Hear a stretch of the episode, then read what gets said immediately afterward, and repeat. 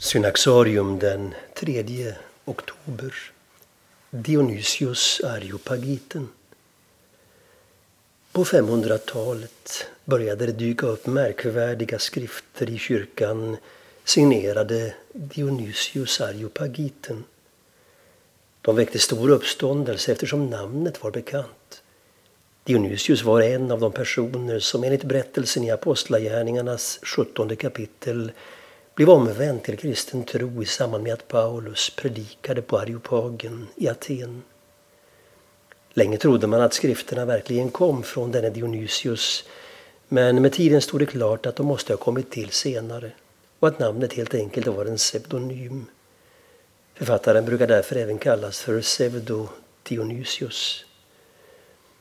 Med största sannolikhet har vi att göra med en munk eller präst hemmahörande i de östra delarna av kristenheten omkring år 500.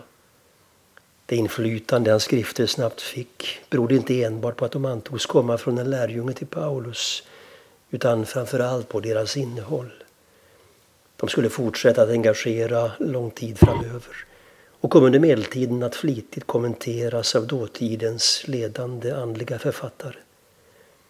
Dionysius storslagna utläggning av Guds ofattbarhet och tillvarons heliga ordning placerade honom inte bara bland kyrkofäderna. Somliga betraktade honom som den främste bland dem alla. Få skrifter har haft en sådan betydelse för förståelsen av den kristna mystiken som Dionysius lilla bok Theologia Mystica om den mystiska teologin. Själva ordet mystik på kristen mark går tillbaka till just denna skrift. För Dionysius hade mystiken sin viktigaste plats i gudstjänsten, i de heliga handlingarna, smörjelsen med olja, dopet och eukaristin ryms hela Guds rikedom. Människan kan aldrig komma Gud närmare än i bröd och vin. Eukaristin är därför för Dionysius den djupaste mystiska erfarenheten. Så som brödet och vinet blir ett med den som äter och dricker så förenar sig det gudomliga med det mänskliga, det himmelska med det jordiska i den heliga måltiden. Dionysius är en lika stor utmaning till vår tid som hans skrifter var när de först började läsas.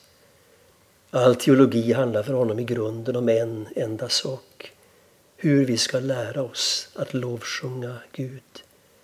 Det är för detta människan, ja hela skapelsen finns till. Och teologins uppgift är att rena och stämma själen till fulländad tillbedjan